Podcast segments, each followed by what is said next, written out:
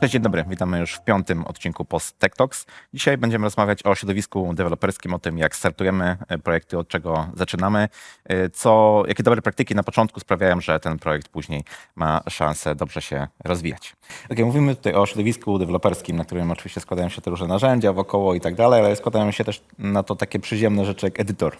I to też jest oczywiście jakaś tam preferencja, którą, którą mamy.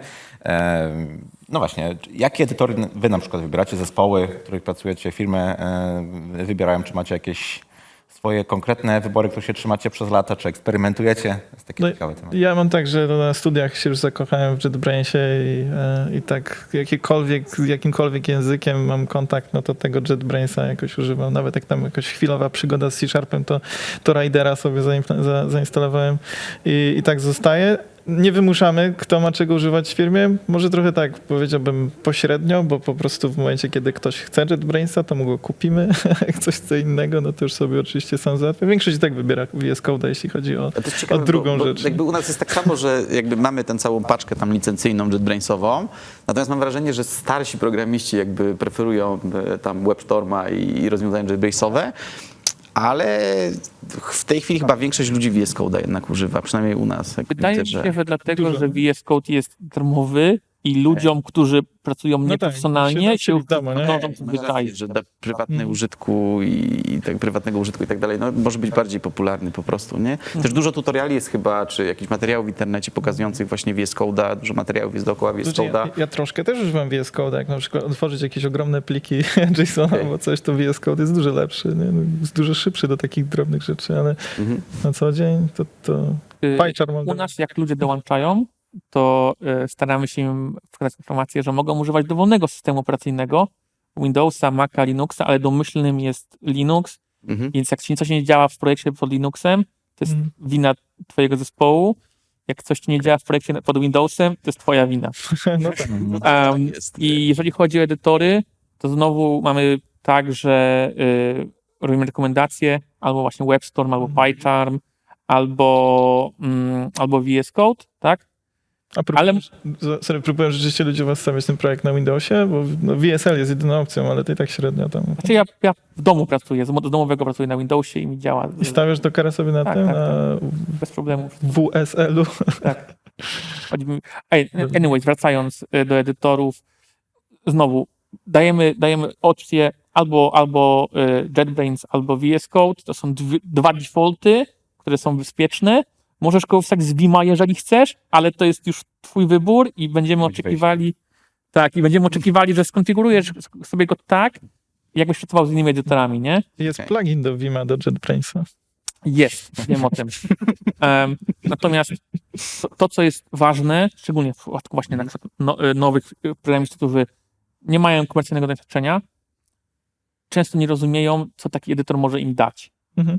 I na przykład porównując ludzi, którzy wchodzą w Sublimie, w teraz Mhm. jest pewnie No mniej. ułamek procenta, Już dawno nie widziałem. ale tak, ale z tym, co domyślnie oferuje y, VS Code, który, czy oczywiście JetBrains, który automatycznie dostosowuje się pod kryteria, pod ustawienia projektu, który e, czyta S-linty by default i wyłapuje błędy TypeScripta, e, ma od razu podpiętego debuggera. Te rzeczy my na przykład mamy mm, w planach zrobić po prostu kurs dla ludzi z WebStorma, Mhm. e, żeby po prostu pokazać, w jaki sposób ludzie mogą, jak korzystać z edytorów. Em, No bo wiesz, no, na koniec dnia to wpływa na produktywność programisty, bardzo, nie? Bo jakby, Na wiesz, możesz to no. samo zrobić, wiesz, ręcznie, a możesz zrobić to za pomocą, wiesz, wspomagaczy, które dostajesz w zasadzie za darmo i jakby z automatu. I ja myślę, że to jest chyba taki temat, który pokutował przez lata, że te duże IDE były ciężkie i komputery były wolne i de facto, wiesz, szybciej się przeklikał ktoś po tym Sublime szybko niż y, przechodził przez jakieś rzeczy, ale jakby w tej chwili to, to, to wszystko działa tak szybko, że myślę, że tylko korzystać z dobrodziejstw, które dają te, te bogate te środowiska i Tak. takie banały jak refactoring jakichś rzeczy, no przecież to jest już tysiąc razy szybsze i, i jakby bardziej odporne na pomyłki niż próby jakiegoś tam edytowania rzeczy ręcznie gdzieś tam w jakimś Ale notatniku. myślę, że często wyborem jest to, co ty powiedziałeś, czyli rzeczywiście, czy któryś z was, że, że to jest za darmo. Pierwszy kontakt z jakimkolwiek edytorem e, dla, dla takiego juniora często zostanie na długo. E, No, jak się czymś czujesz zawsze. sprawnie w sumie, no, to właśnie, jakby jest ten- po to co zmieniać, nie? komfortu, nie? Jak Tak. kiedyś chodziłem w Eclipsie, to był najgorszy edytor, jaki Właśnie se- chciałem powiedzieć poza Eclipsem, ale to było...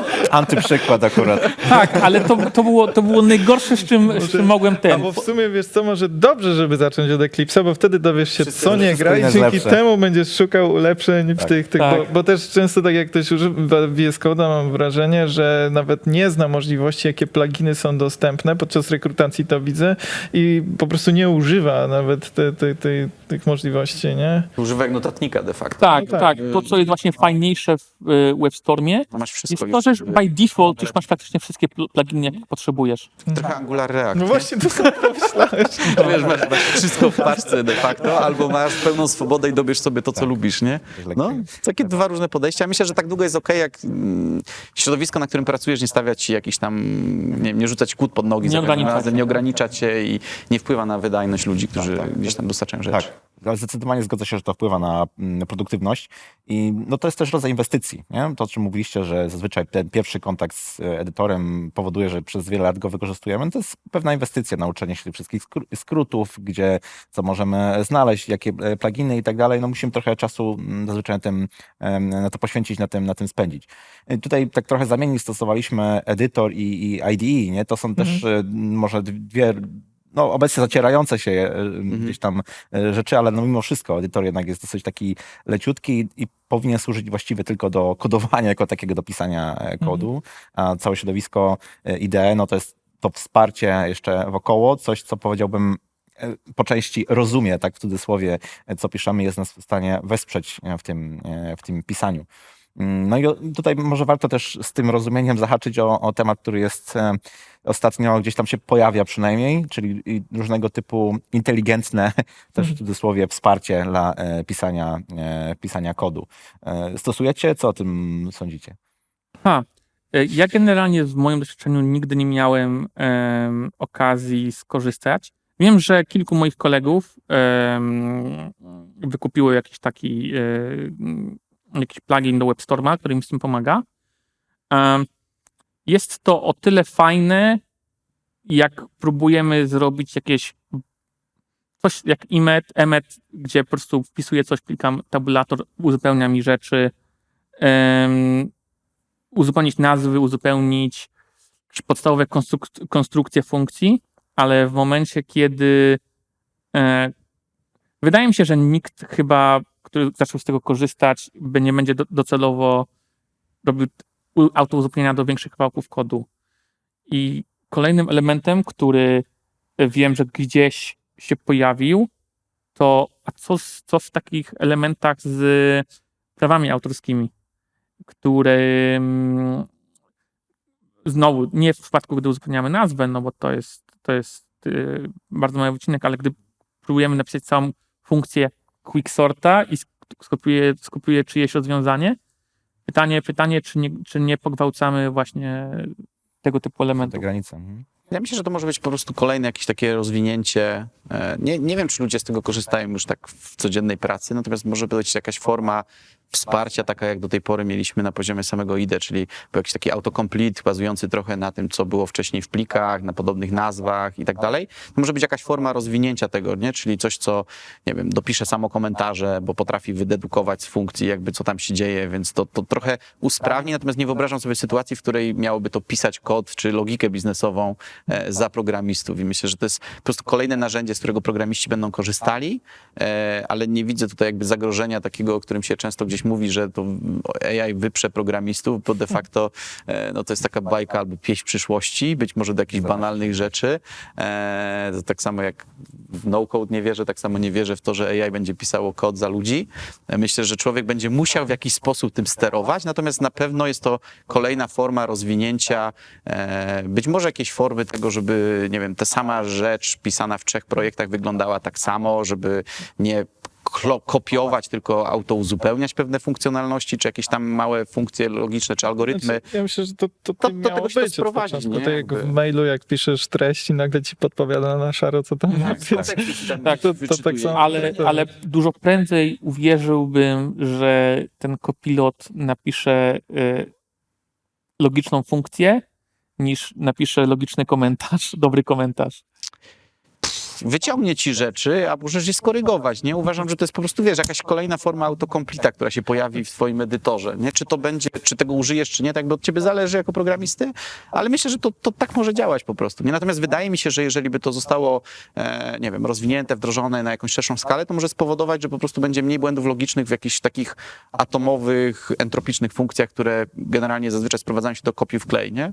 I, i czy algorytmach, których no, nikt nie jest w stanie napisać z głowy wszystkich algorytmów, jakie są, a jeżeli spotkałeś się z tym, kojarzysz, wiesz jak to zadziałać, jak to opisać, to może to jest jakaś droga do tego typu wspomagaczy. Pytanie, no jeśli to jest cokolwiek, no to, to jest AI, nie? Jakiś, w jakimś sensie, tak. więc no, będzie tak dobre jak te, te dane źródłowe treningowe, na których zostało przetrenowane. I teraz pytanie, czy jest, GitHub ma duże pole do przerycia, więc no tak, no ale pytanie, na ile to będzie pole, dobre, czy, nie? czy właśnie to jest Jakościowe. tam poprawne, jakościowe, nie? Oczywiście Tak. pewnie dochodzi do tego kwestia, że trzeba były to rzeczywiście napisać tutaj w tej sytuacji testy, nie? Ale e, no on też potrafi generować. Tak. testy, więc to pytanie, jak to temu ufać, nie? No. napiszę bzdurę, sam ją przetestuję i powie ci, że jest okej. Więc jakby myślę, że to jest ryzyko. Na, na pewno pewnie, nie wiem, czy się zgodzicie, ale ja widzę, że to może być jakieś zagrożenie dla osób niedoświadczonych, że będą za bardzo na tym polegały albo będą starały się na tym polegać, bo wydaje mi się, że każdy kawałek napisanego kodu samodzielnie, nawet jeżeli on jest błędny albo, nie wiem, można go napisać lepiej, jest jakąś tam formą nauki,